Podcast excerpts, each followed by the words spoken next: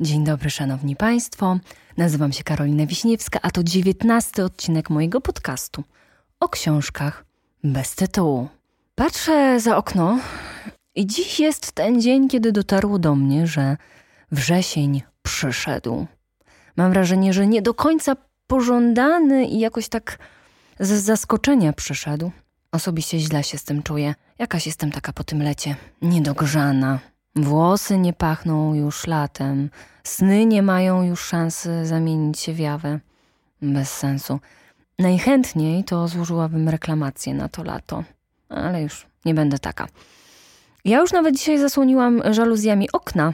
Spytacie dlaczego? Ano dlatego, że jak świeci słońce, to zasłaniam, żeby mi słońce nie świeciło. A jak nie ma słońca, to żeby nie widzieć, że nie ma słońca. Proste, prawda? Ja jestem z tych ludzi, którzy wolą mieć wybór, czy słońce ma im świecić w twarz, czy nie. Tylko, że ja oczywiście kokieteryjnie to wszystko mówię, bo wiem, że deszcz jest potrzebny, że pory roku są potrzebne, e, żeby natura odpoczywała. E, to jest takie narzekanie dla narzekania, takie nasze polskie, narodowe narzekanie. Ale wyobraźcie sobie, mm, chociaż może nie musicie sobie tego wyobrażać, bo może sami należycie do grupy osób, które cieszą się na jesień. Mm, to jest grupa tak zwanych jesieniar. I jesieniary, idę o zakład, mają już gotowe swoje zestawy. Ciepłe skarpety, puchate koce, świece zapachowe, y, kubki gorącego kakao. Chociaż jak to mówię, to mm, nawet się uśmiecham, bo to wszystko takie przytulne jest. A ja dziś chciałabym chociaż przez chwilę zrobić Wam przytulność. W sercach przytulność. Zapraszam Was do domu. Co w ogóle myślicie, kiedy słyszycie słowo dom? Hmm, jeśli jesteśmy przy nomenklaturze, to ja na przykład, mimo mojej ogromnej miłości do języka polskiego, szalenie zazdroszczę językowi angielskiemu, że ma dwa pojęcia, które określają nasz dom. Mm, mogą powiedzieć house i home, czyli oddzielają dwa aspekty domu. Z jednej strony to budynek, z drugiej miejsce, gdzie czujemy się dobrze. Nasze miejsce na ziemi. Sarah M. Broom, amerykańska pisarka, jest autorką książki, reportażu Żółty dom wspomnienia. Nie ukrywam, że kiedy wydawnictwo Agora ponad dwa lata temu zapytało, czy miałabym ochotę przeczytać tę książkę, byłam przekonana, że to będzie książka bardziej o home niż house. No ale wtedy byłam w takim momencie swojego życia, że budowałam od zera swoje miejsce. Układałam rozsypaną układankę emocji w nowych czterech ścianach i tak strasznie zależało mi na tym, żeby stworzyć przestrzeń przyjazną ludziom, mm, takie miejsce, do którego moi bliscy będą chcieli wracać. I chyba się udało, bo zawsze, kiedy ktoś odwiedza mnie po raz pierwszy, mówi, że to bardzo moja przestrzeń. E, I ja też mam takie poczucie, że tak, stworzyłam dobry dom. Mm, chociaż nie ukrywam, że z ogromną przyjemnością, kiedy tylko mam taką możliwość, jeżdżę do mojego domu rodzinnego, który idealnie mieści w sobie obydwa angielskie pojęcia. Do 1997 roku był nawet pomarańczowy a pomarańczowy jest bliski żółci, więc tym bardziej gdzieś moje myśli ciągnęły do książki Broom. Znalazłam w niej wspomnienia z życia w wyjątkowo licznej rodzinie, ale cała historia zdaje się nie być historią rodziny, właśnie, tylko historią budynku, który był jak wspólny mianownik tak różnych, chociaż należących do jednej rodziny mieszkańców. I dopiero teraz, po dwóch latach od lektury zaczęłam się zastanawiać, czy książka mówi bardziej o house czy home. I chyba nie potrafię odpowiedzieć jednoznacznie na to pytanie, chociaż oryginalny tytuł książki brzmi The Yellow House, nie Home. I to też sprawdziłam dopiero teraz i bardzo dobrze, że mm, to zrobiłam dopiero teraz, bo podejrzewam, że mogłoby to rzutować na mojej percepcji tej lektury. A tak jestem kolokwialnie mówiąc, rozkraczona między domem a domem, czyli między ścianami a emocjami. Mm, autorka zaprasza nas do swojego domu, żeby była jasność. I ten tytułowy żółty dom nie był willą, prędzej wiecznym placem budowy z licznymi prowizorycznymi rozwiązaniami, które miały ułatwiać funkcjonowanie w tej przestrzeni. Często był powodem do wstydu, mimo tego, że przewijało się przez niego mnóstwo ludzi, że tętnił życiem, nie był tym domem marzeń, tą ostoją rodziny, wciąż udoskonalany na miarę możliwości finansowych, czasowych czy możliwości wykonawców, bo oni tam wszystko sami kleili, ciągle jakby uparcie nie chciał spełnić oczekiwań właścicieli. A właściciele byli wyjątkowi. Matka autorki zawsze marzyła o swoim kącie. Zdawała sobie sprawę, że ten dom może nie jest idealny, ale wciąż inwestowała w niego czas, energię i pieniądze, bo to był jej dom. Kolejne dzieciaki dorastały w nim, wstydziły się go, ale znajdowały w nim schronienie. Wiem, że to będzie zawiłe, co teraz powiem, ale historia tego domu jako budynku to historia rodziny i ich więzi. Nie tylko międzyludzkich, ale też więzi ludzi z domem. I doskonale to widać, kiedy autorka opisuje czas po uderzeniu huraganu Katrina z 2005 roku. I to jest ten kluczowy moment, ten punkt zwrotny, który obnaża, ile te znienawidzone momentami ściany dla nich znaczyły. Rodzina pozbawiona domu wciąż wraca do ruin, a potem po zrównaniu ich z ziemią do miejsca, w którym stał. Jakby emocje wciąż trzymały ich w tym miejscu. W miejscu, które, jeszcze raz, nie było idealne, nie spełniało oczekiwań, ale dawało poczucie, może nie tyle bezpieczeństwa, co stałości. Świat mógł się kończyć, drogi mogły się rozchodzić, ale ten dom, te niedoskonałe ściany były wspólnym mianownikiem dla tych ludzi. Idealna historia o tym, jak doceniamy coś, dopiero jak to stracimy.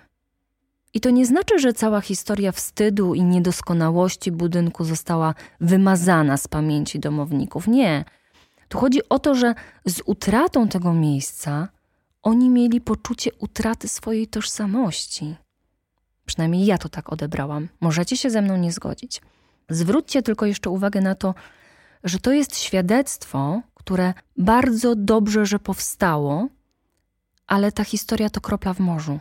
Chociaż powinnam raczej powiedzieć w oceanie. Huragan Katrina to jeden z 30 huraganów, które przyniosły największe zniszczenia w Stanach Zjednoczonych. Zginęło 1836 osób, a straty oszacowano na 87 miliardów dolarów. Takich żółtych domów było dużo, dużo więcej. Każdy z nich to historia jakiejś rodziny. Jakiś wstyd, jakieś przywiązanie, jakaś strata i poczucie braku po jego zniszczeniu. Dla mnie osobiście jest to przerażające i otwiera pole do dyskusji, do czego człowiek doprowadził, nie szanując potęgi natury. Bo umówmy się, że huragany i inne gwałtowne zjawiska atmosferyczne w dużej mierze są efektem ingerencji człowieka w naturę. Ale zupełnie nie czuję się kompetentna, żeby teraz na ten temat dywagować. Pozwolę sobie natomiast jeszcze wrócić do pytania, które postawiłam wcześniej. Czym właściwie jest dom? Pamiętam, jak dawno temu w szkole podstawowej, czyli to było naprawdę dawno temu, brałam udział w konkursie. Zadanie konkursowe polegało na tym, żeby opisać dom swoich marzeń. Z nieukrywaną satysfakcją zdobyłam jedną z pierwszych nagród, ale na ich wręczeniu okazało się, że nagrodzone prace zostaną przez opiekunów laureatów odczytane na forum. Myślałam, że spalę się ze wstydu. Okazało się, że wszystkie mm, dzieci pisały o kolorach ścian, o ogródku wokół domu, o pelargoniach na balustradzie, o psiej budzie i wielkich oknach. A potem wchodzę ja, cała na biało i z moim grafomańskim zacięciem piszę, że fundamentem domu moich marzeń byłaby miłość. Ściany miałyby być z opiekuńczości, a okna z nadziei. W domu miał stać ogromny stół szczerości, do długich rozmów przy herbacie, a poduszki wypchane by były dobrym, spokojnym snem. Tak było. Nie zmyślam. I to był właśnie ten moment, kiedy siedziałam na widowni i słuchałam, jak pan dyrektor czyta te moje wypociny, i mój kilkunastoletni umysł doznał objawienia. Właśnie wtedy dotarła do mnie ta różnica między wspomnianymi przeze mnie wcześniej angielskimi słowami house i home. A najśmieszniejsze jest to, że teraz, kiedy jestem kobietą po trzydziestce, wiem, że niczego w tym opisie bym nie zmieniła. Żadne kolory na ścianach, y, żadne kilkanaście pokoi nie zastąpią ludzi, emocji i uczuć, które tworzą dom. Skłamałabym, gdybym powiedziała, że jestem zachwycona żółtym domem. Byłam nawet zmęczona tą lekturą. Gubiłam się w gąszczu imion i relacji między poszczególnymi członkami rodziny, bo naprawdę było ich mnóstwo. Sam stosunek do budynku nie był mi obcy, ale jednak na początku nie mogłam pojąć, y, jaką właściwie rolę ma odegrać ten żółty dom w całej historii.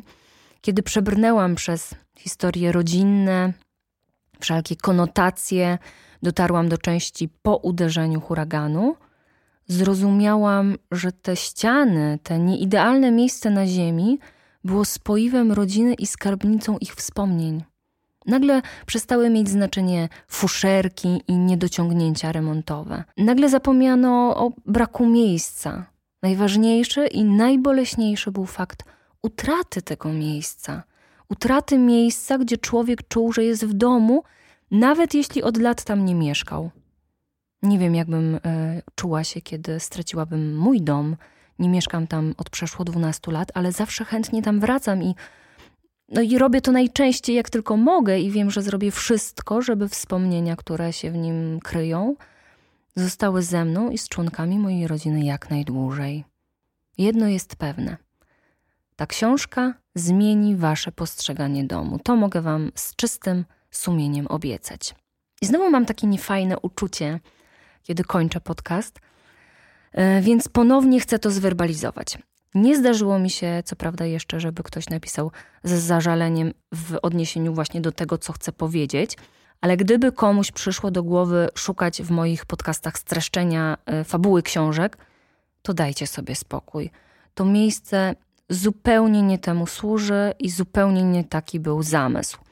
Czasem tylko delikatnie i bardzo ostrożnie, żeby nie powiedzieć za dużo, liznę tej fabuły, ale to tak ma być. Janusz Leon Wiśniewski, czyli jeden z wielu moich ulubionych Wiśniewskich, w swojej książce Koniec samotności, czyli swoją drogą kontynuacji samotności w sieci, napisał, że uwaga, sięgam po książkę. Napisał, że prawo do szczęścia nie upoważnia do krzywdzenia innych. Nie to, nie to. Miłość wcale nie jest symetryczna czy asymetryczna. Nie to, nie to. Eee, tak dużo mord, tak mało twarzy. Nie, to nie to. Aha, czyli wychodzi na to, że nie zaznaczyłam tego fragmentu, ale mm, chodzi o to, że napisał, że dostajemy tyle, żeby nabrać apetytu na więcej. I to jest myśl przewodnia mojego gadania. Skończyłam. Napiszecie coś do mnie na kontakt małpakarowiśniewska.pl. Napiszcie, będzie mi miło. E, tymczasem ja idę zrobić sobie kakao, zakopać się z książką pod kocem, a potem jadę do mojego rodzinnego domu. Tak. To co? Ściskam w pasie i wszystkiego najlepszego.